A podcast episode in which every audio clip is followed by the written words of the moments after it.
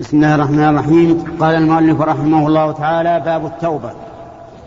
التوبة من تاب يتوب إذا رجع وهي الرجوع من معصية الله تعالى إلى طاعته. وأعظمها وأوجبها التوبة من الكفر إلى الإيمان. قال الله تعالى قل للذين كفروا إن ينتهوا يغفر لهم ما قد سلف.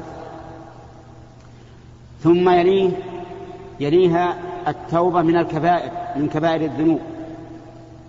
ثم المرتبة الثالثة التوبة من صغائر الذنوب. والواجب على المرء أن يتوب إلى الله سبحانه وتعالى من كل ذنب. وللتوبة شروط ثلاثة كما قال المؤلف رحمه الله ولكنها بالتتبع تبلغ إلى خمسة. الشرط الأول الإخلاص لله. بأن يكون بأن يكون قصد الإنسان بتوبته وجه الله عز وجل. وأن يتوب الله عليه ويتجاوز عما فعل من المعصية. لا يقصد بذلك مراءاة الناس والتقرب إليهم ولا يقصد بذلك دفع الأذية من من من من السلطات وولي, وولي الأمر وإنما يقصد بذلك وجه الله والدار الآخرة وأن يعفو الله عن ذنوبه. الشرط الثاني الندم على ما فعل من المعصية لأن شعور الإنسان بالندم هو الذي يدل على أنه صادق في التوبة. يعني بمعنى أن يتحسر على ما سبق منه وينكسر من أجله ولا يرى أنه في حل منه حتى يتوب إليه حتى يتوب منه إلى الله. الشرط الثالث أن يقلع عن الذنب الذي هو فيه وهذا من أهم شروطه. والإقلاع عن الذنب إن كان الذنب ترك واجب فالإقلاع عنه بفعله. مثل أن يكون شخص لا يزكي فأراد أن يتوب إلى الله فلا بد من أن يخرج الزكاة التي مضى التي مضت ولم يزك ولم يؤدها. إذا كان الإنسان مقصرا في بر الوالدين فإنه يجب عليه أن يقوم ببرهما. إذا كان مقصرا في صلة الرحم فإنه يجب عليه أن يصل الرحم. وإن كانت المعصية بفعل محرم فالواجب أن يقلع عنه فورا ولا يبقى فيه ولا لحظة إذا كانت من أكل الربا مثلا فالواجب أن يتخلص من الربا بتركه والبعد عنه وإخراج ما اكتسبه عن طريق الربا. إذا كانت المعصية بالغش والكذب على الناس وخيانة الأمانة فالواجب عليه أن يقلع عن ذلك وإذا كان قد اكتسب مالا عن هذا الطريق المحرم فالواجب عليه أن يدفع أن يرده إلى صاحبه أو يستحله منه. إذا كانت غيبة فالواجب أن يقلع عن غيبة الناس والتكلم في أعراضهم. أما أن يقول إنه تائب إلى الله وهو مصر على ترك الواجب أو مصر على فعل المحرم فإن هذه التوبة غير مقبولة. بل إن هذه التوبة كالمس... كالاستهزاء بالله عز وجل. كيف تتوب إلى الله وأنت مصر على ما... على معصيته؟ لو أنك تعامل بشرا من الناس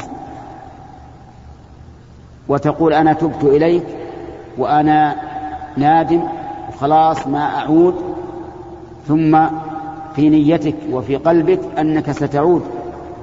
وعدت فإن هذا سخرية بالرجل. فكيف بالله رب العالمين؟ فالإنسان التائب حقيقة هو الذي يقلع عن الذنب. من الغريب أن بعض الناس تجلس إليه وتجده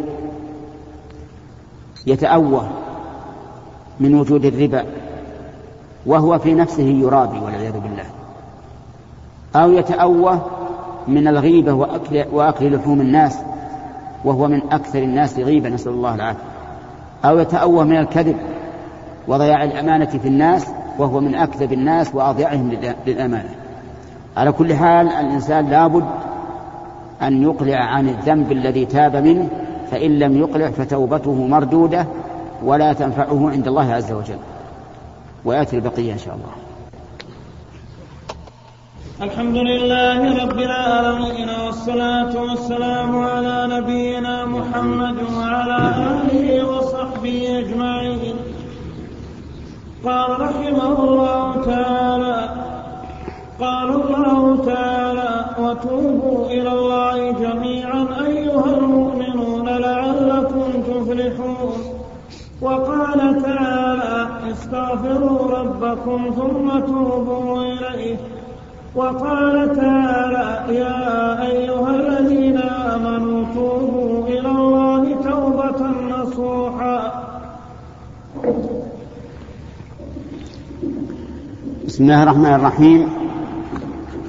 الحمد لله رب العالمين وأصلي وأسلم على نبينا محمد خاتم النبيين وإمام المتقين وعلى آله وأصحابه ومن تبعهم بإحسان إلى يوم الدين.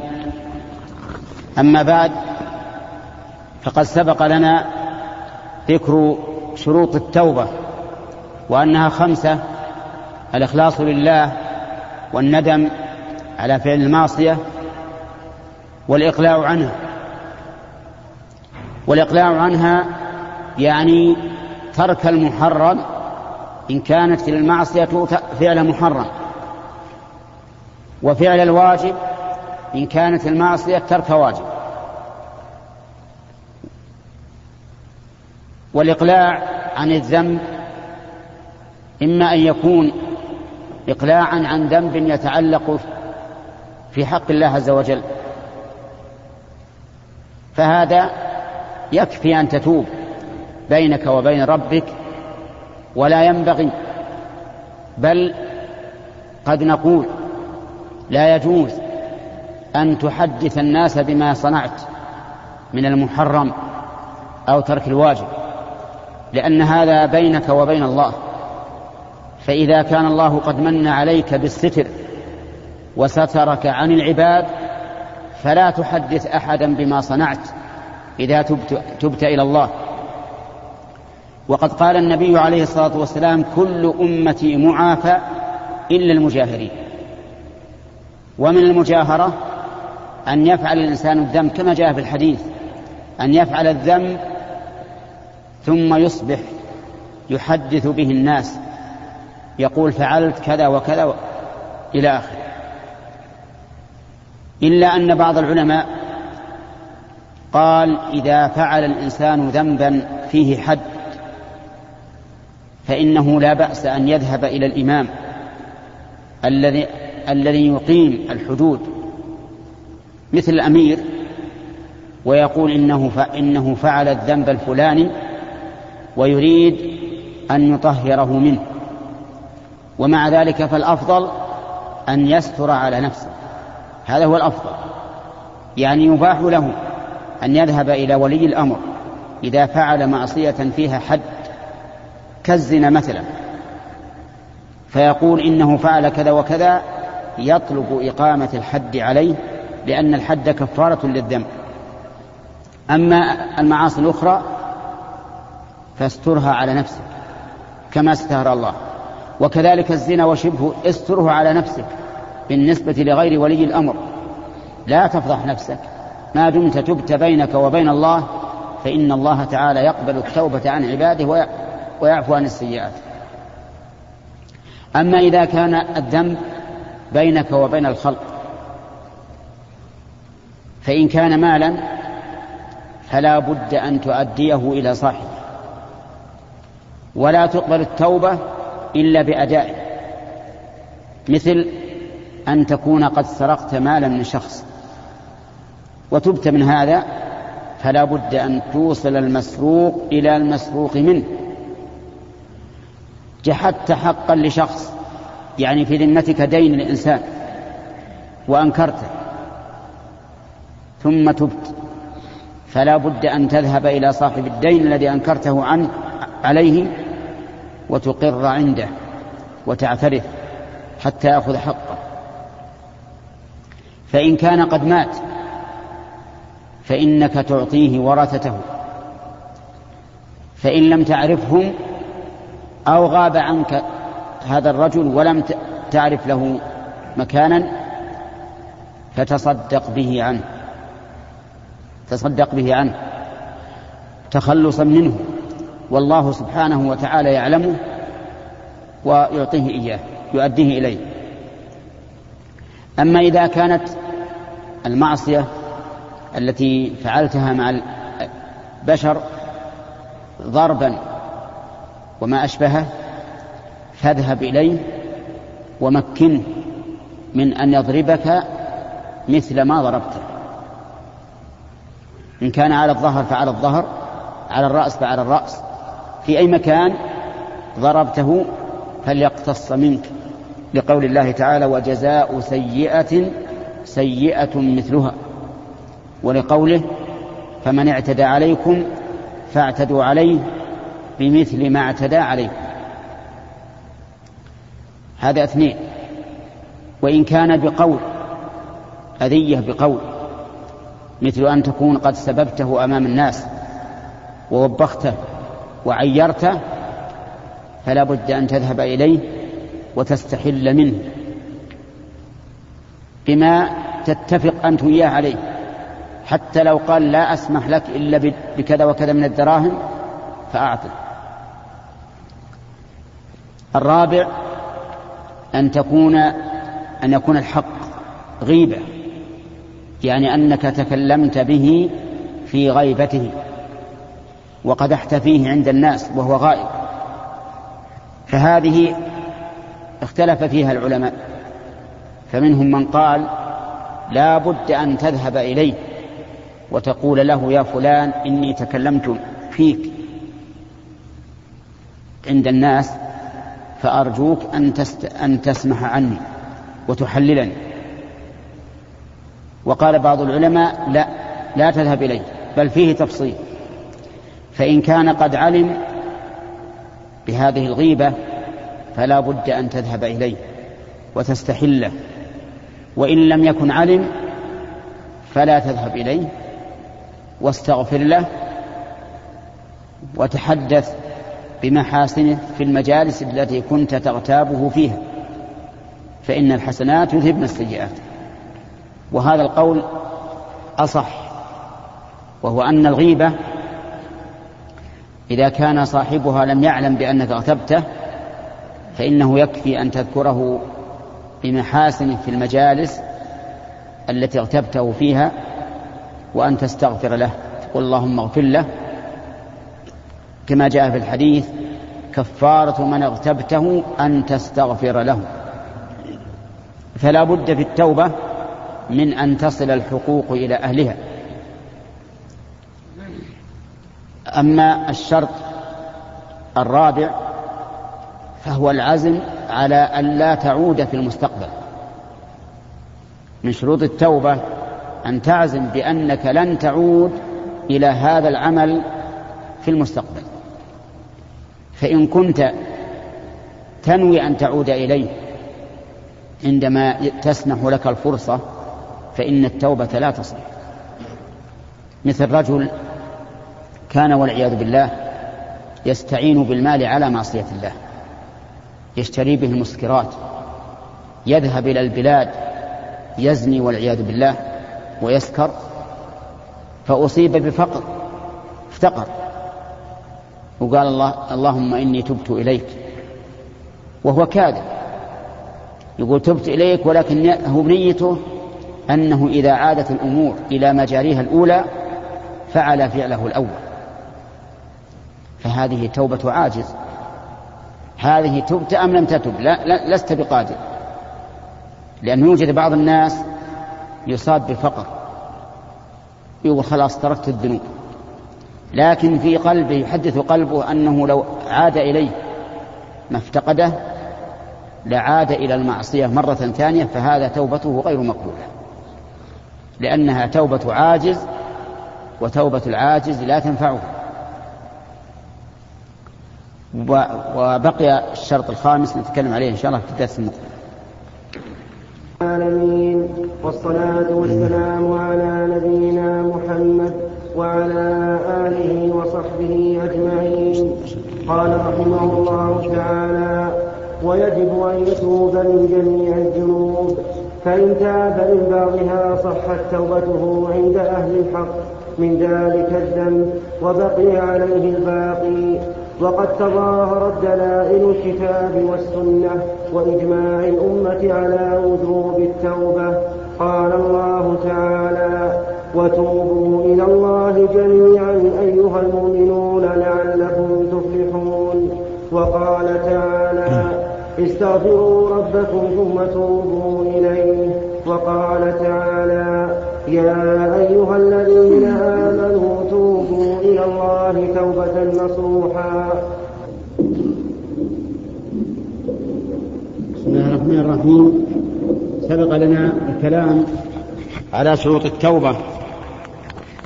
وأن الإنسان يجب أن يتوب إلى الله سبحانه وتعالى من كل ذنب حسب ما تقدم من الشروط والذي سبق لنا منها أربعة الإخلاص لله والندم على ما فعل والإقلاع عن ذلك والعزم على أن لا يعود.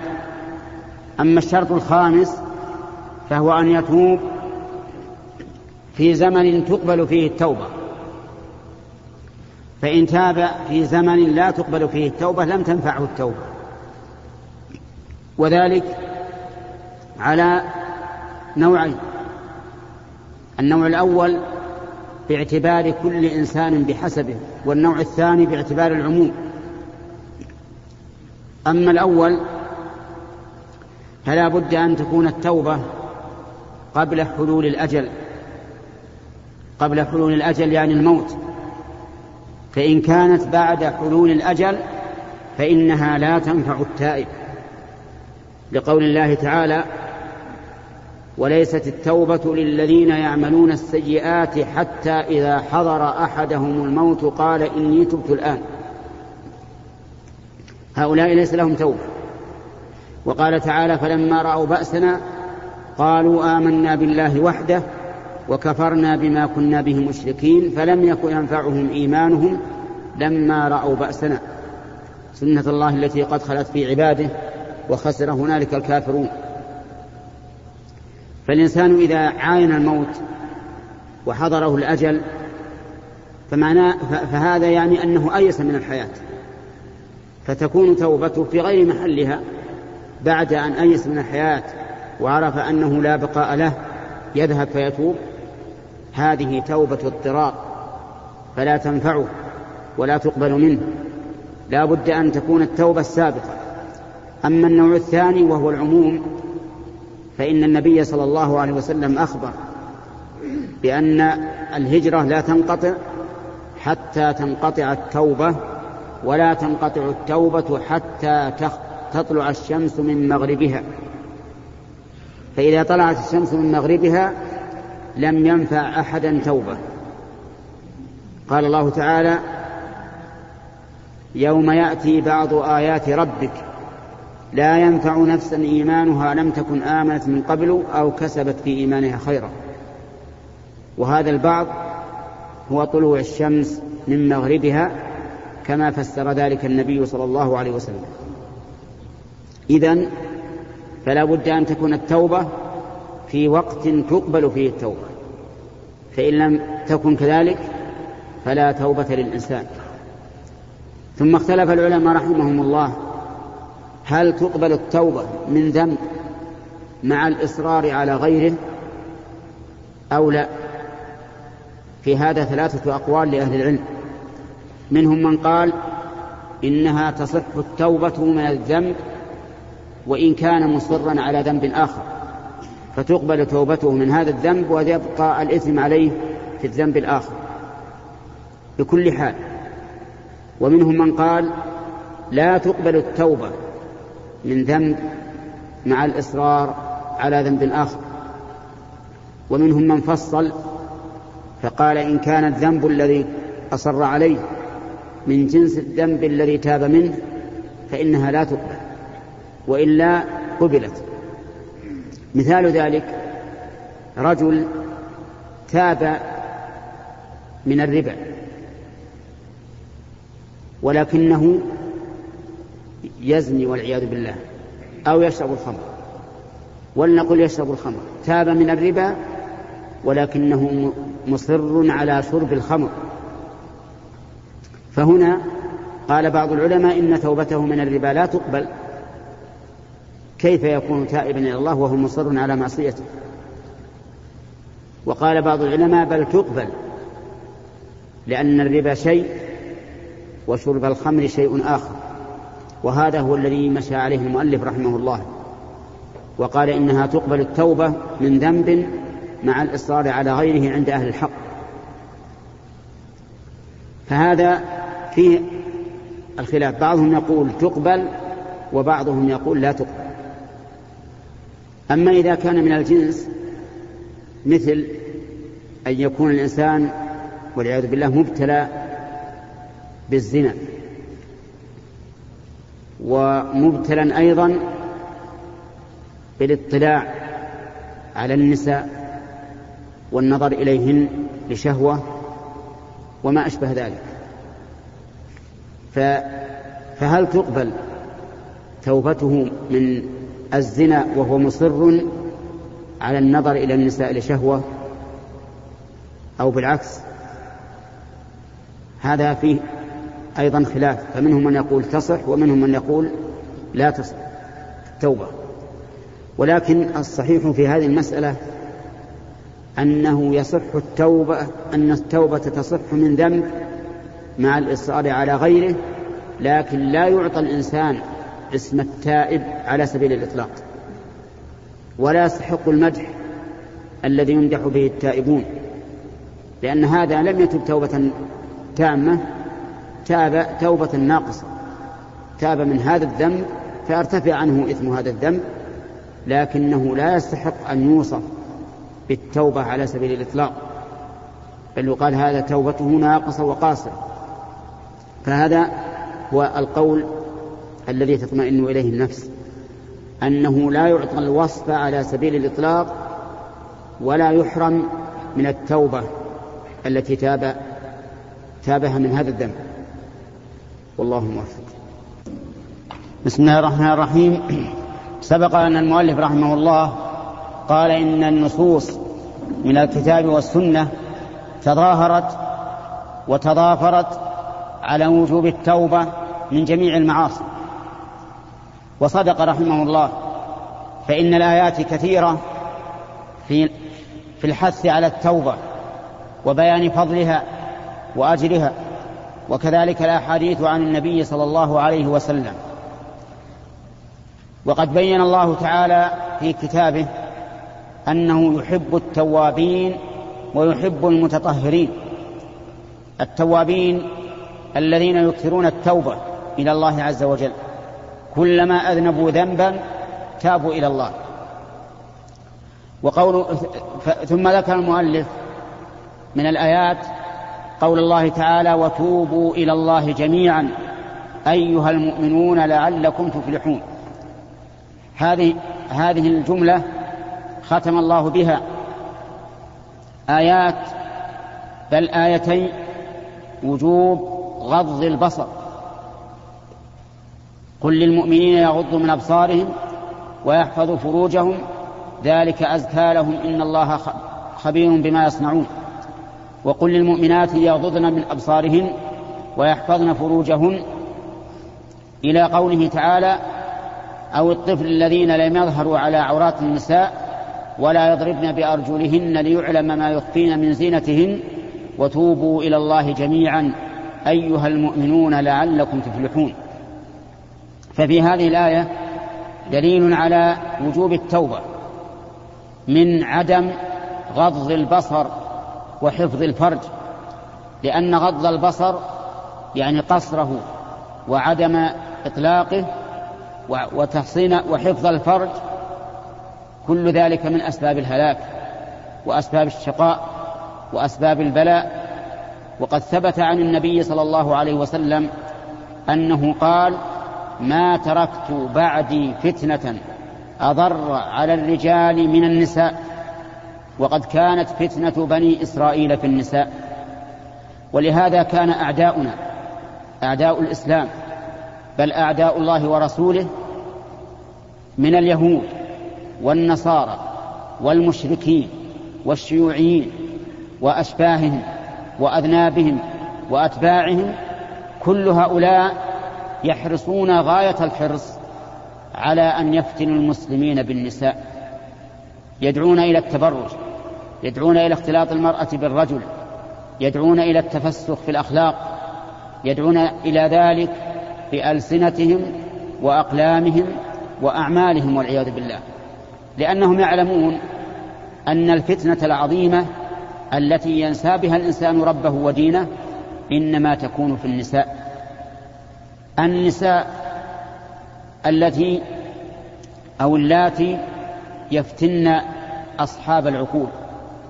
كما قال النبي عليه الصلاة والسلام ما رأيت من ناقصات عقل ودين أذهب للب الرجل الحازم من إحداكم هل تريد شيئا أبين من هذا؟ أذهب للب الرجل لعقله الحازم. فما بالك بالرجل المهين الذي ليس عنده حزم ولا عزم ولا دين ولا رجولة يكون أشد وأشد والعياذ بالله. لكن الرجل الحازم النساء يذهبن عقله. نسأل الله العافية. وهذا هو الواقع. لذلك قال الله تعالى عقب الأمر بغض البصر من الرجال والنساء. قال توبوا إلى الله جميعا أيها المؤمنون لعلكم تفلحون. وقوله عز وجل توبوا إلى الله جميعا. يدل على أنه ينبغي لنا بل يجب علينا أن نتواصى بالتوبة وأن يتفقد بعضنا بعضا. هل هل الإنسان تاب من ذنبه أو بقي مصرا عليه؟ لأنه وجه الخطاب إلى الجميع. توبوا إلى الله جميعا أيها المؤمنون.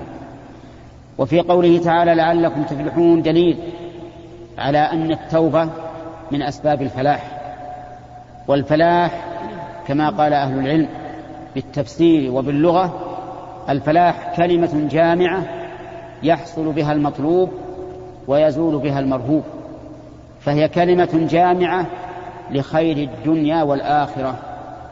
وكل إنسان يطلب خير الدنيا والآخرة. ما تجد إنسانا حتى الكافر يريد الخير لكن من الناس من يوفق ومنهم من لا يوفق.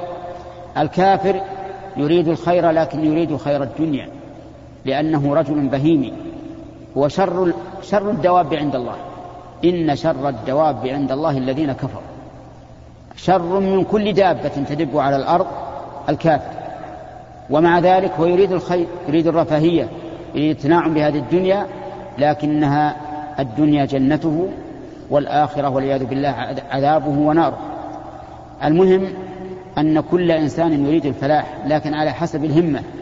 المؤمن يريد الفلاح في الدنيا والآخرة والكافر لا يؤمن بالآخرة فهو يريد الفلاح الفلاح في الدنيا. من أسباب الفلاح التوبة إلى الله عز وجل. توبوا إلى الله جميعا. أيها المؤمنون لعلكم تفلحون. أي لتنالوا الفلاح وذلك بحصول المطلوب وزوال المرهوب. والله موفق.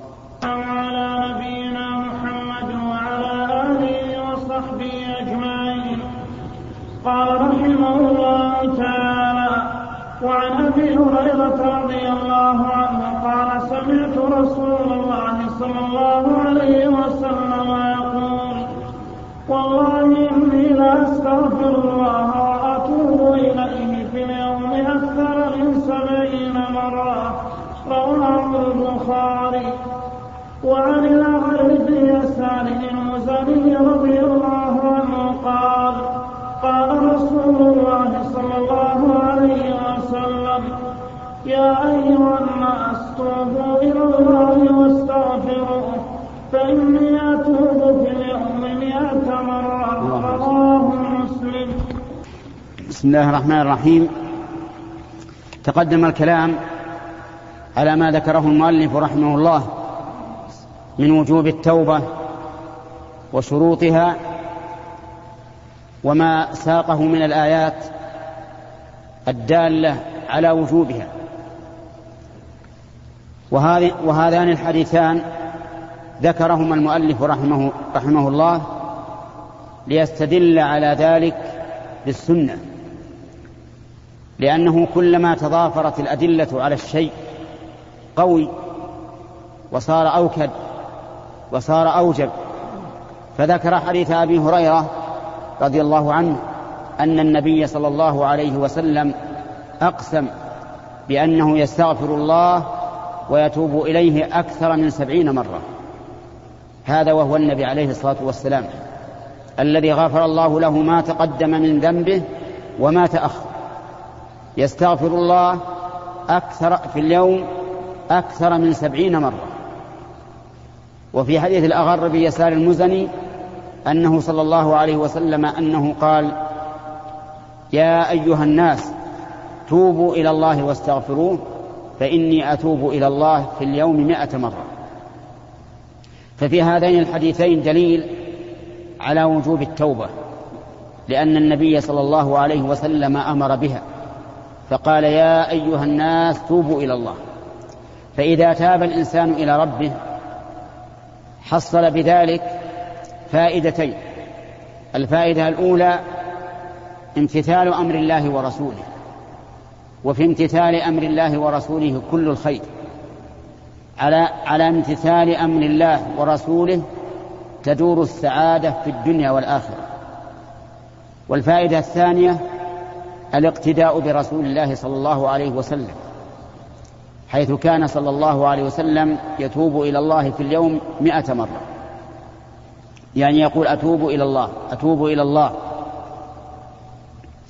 والتوبة لا بد فيها من صدق بحيث إذا تاب الإنسان إلى الله أقلع عن الذنب.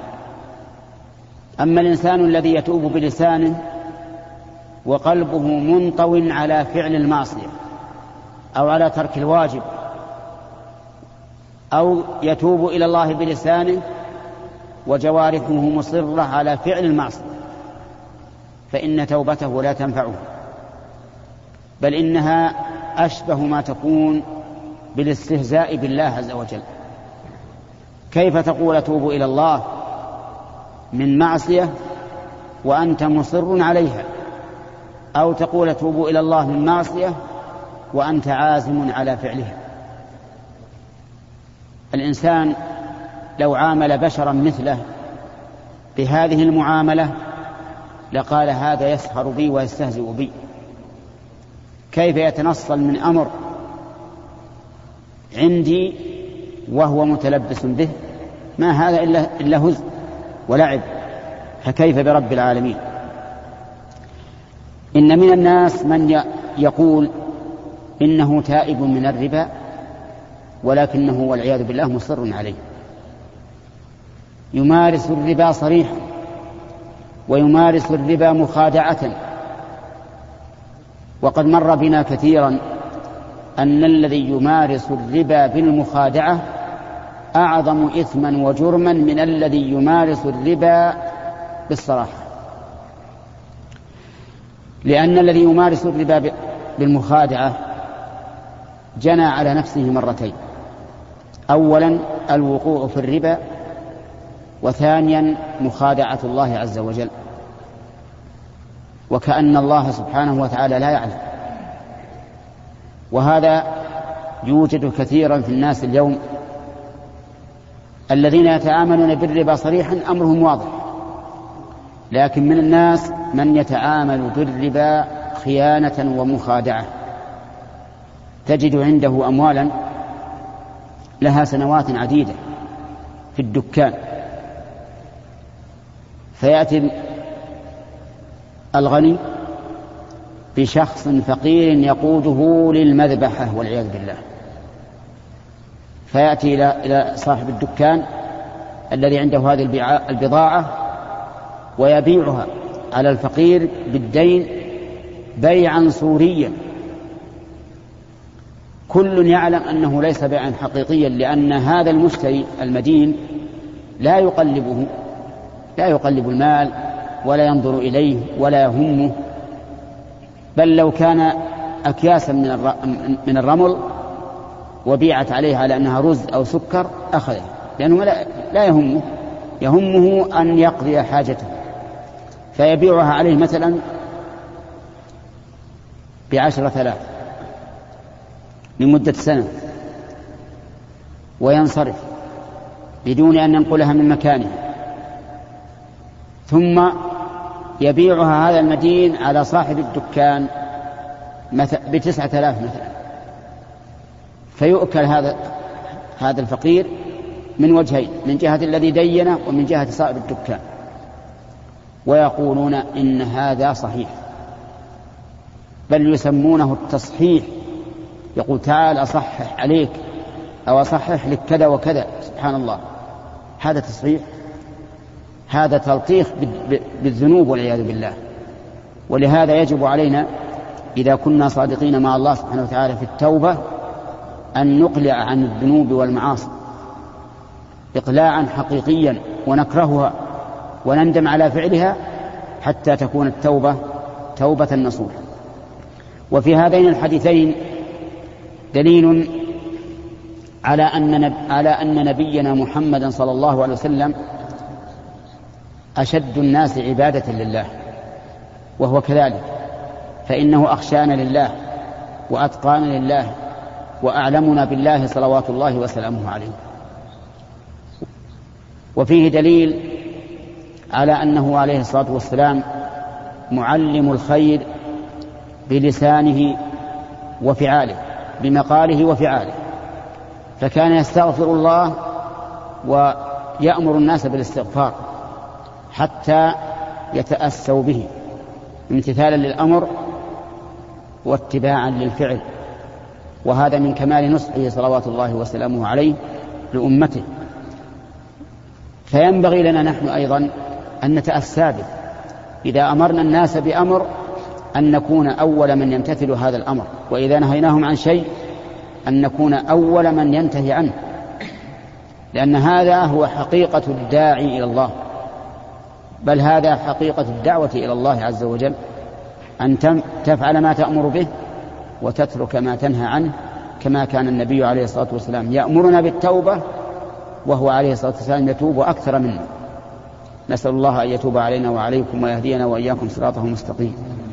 العالمين والصلاة والسلام على نبينا محمد وعلى آله وصحبه أجمعين. قال رحمه الله تعالى وعن أبي حمزة أنس بن مالك الأنصاري خادم رسول الله صلى الله عليه وسلم رضي الله عنه قال قال رسول الله صلى الله عليه وسلم لله أفرح بتوبة عبده من أحدكم سقط على بعيره وقد أضله في أرض ثلاث متفق عليه. وفي رواية لمسلم والله أشد فرحا بتوبة عبده. حين يتوب إليه من أحدكم كان على راحلته بأرض فلات فانفلتت منه وعليها طعامه وشرابه. فأيس منها فأتى شجرة فاضطجع في ظلها. وقد أيس من راحلته فبينما هو كذلك إذ هو بها قائمة عنده بخطامها. ثم قال من شدة الفرح اللهم أنت عبدي وأنا ربك أخطأ من شدة الفرح. الحمد لله. بسم الله الرحمن الرحيم. قال المؤلف رحمه الله تعالى فيما نقله عن أنس بن مالك رضي الله عنه خادم النبي صلى الله عليه وسلم. وكان رضي الله عنه حين قدم النبي صلى الله عليه وسلم المدينة أتت به أمه إلى رسول الله صلى الله عليه وسلم وقالت له هذا أنس بن مالك يختمك فقبل النبي صلى الله عليه وسلم ذلك وصار أنس من خدام النبي صلى الله عليه وسلم. ذكر أنس رضي الله عنه أن النبي صلى الله عليه وسلم قال لله أشد فرحا بتوبة عبده إذا تاب إليه من هذا الرجل الذي سقط على راحلته بعد أن أضلها وذكر القصة. رجل كان في أرض فلات. ليس حوله أحد لا ماء ولا طعام ولا أناس. ظل بعيره يعني ضاع البعير فجعل يطلبه فلم يجده فذهب إلى شجرة ونام تحتها ينتظر الموت. قد أيس من بعيره وأيس من حياته لأن طعامه وشرابه على بعيره والبعير قد ضاع. فبينما هو كذلك إذا بناقته عنده قد تعلق خطامها بالشجرة التي هو نائم تحتها. فبأي شيء تقدرون هذا الفرح؟ هذا الفرح لا, يك... لا يمكن أن يتصوره أحد إلا من وقع في مثل هذه الحال لأنه فرح عظيم فرح بالحياة بعد الموت. ولهذا أخذ بالخطام فقال اللهم أنت عبدي وأنا ربك. أراد أن يثني على الله. فيقول اللهم أنت ربي وأنا عبدك لكن من شدة فرحه أخطأ. فقلب القضية وقال اللهم أنت عبدي وأنا ربك. ففي هذا الحديث دليل على فرح الله عز وجل. بالتوبة من عبده إذا تاب إليه وأنه يحب ذلك سبحانه وتعالى محبة عظيمة ولكن لا لأجل حاجته إلى أعمالنا وتوبتنا فالله غني عنا ولكن لمحبته سبحانه وتعالى للكرم فإنه يحب سبحانه وتعالى أن يعفو ويغفر أحب إليه من أن ينتقم ويؤاخذ. ولهذا يفرح بتوبة الإنسان. ففي هذا الحديث حث على التوبة لأن الله يحبها وهي من مصلحة العبد وفيه إثبات الفرح لله عز وجل. فهو سبحانه وتعالى يفرح ويغضب ويكره ويحب. لكن هذه الصفات ليست كصفاتنا لأن الله يقول ليس كمثله شيء وهو السميع البصير. بل هو فرح يليق بعظمته وجلاله ولا يشبهه فرح المخلوقين ولا يشبه فرح المخلوقين. وفيه أيضا دليل على أن الإنسان إذا أخطأ في قول من الأقوال ولو كان كفرا سبق لسانه إليه فإنه لا يؤاخذ به. فهذا الرجل قال كلمة كفر لأن قول الإنسان لربه أنت عبدي وأنا ربك. هذا كفر لا شك.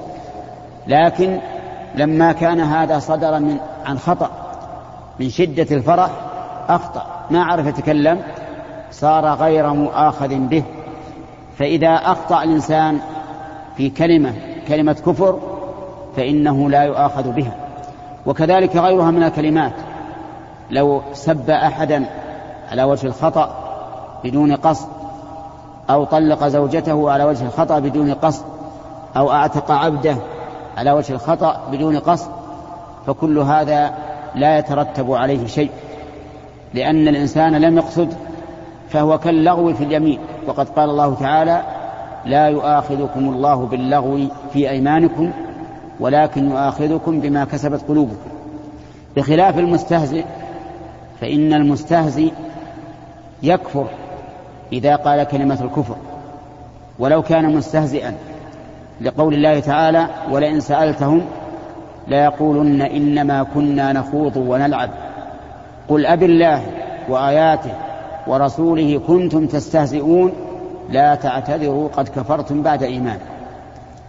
فالمستهزئ قصد الكلام وقصد معناه لكن على سبيل السخرية والهزء فلذلك كان كافرا. بخلاف الإنسان الذي لم يقصد فإنه لا يعتبر قوله شيئا. وهذا من رحمة الله عز وجل. والله موفق. قال رحمه الله تعالى وعن أبي موسى عبد الله بن قيس الأشعري رضي الله عنه عن النبي صلى الله عليه وسلم قال إن الله تعالى يبسط يده بالليل ليتوب مسيء النهار ويبسط يده بالنهار ليتوب مسيء الليل حتى تطلع الشمس من مغربها. رواه مسلم. وعن أبي هريرة رضي الله عنه قال قال رسول الله صلى الله عليه وسلم من تاب قبل أن تطلع الشمس من مغربها تاب الله عليه رواه مسلم. وعن أبي عبد الرحمن عبد الله بن عمر بن الخطاب رضي الله عنهما عن النبي صلى الله عليه وسلم قال صل وسلم عليه. إن الله عز وجل يقبل توبة العبد ما لم يغرر رواه الترمذي وقال حديث حسن. بسم الله الرحمن الرحيم. هذه الأحاديث الثلاثة.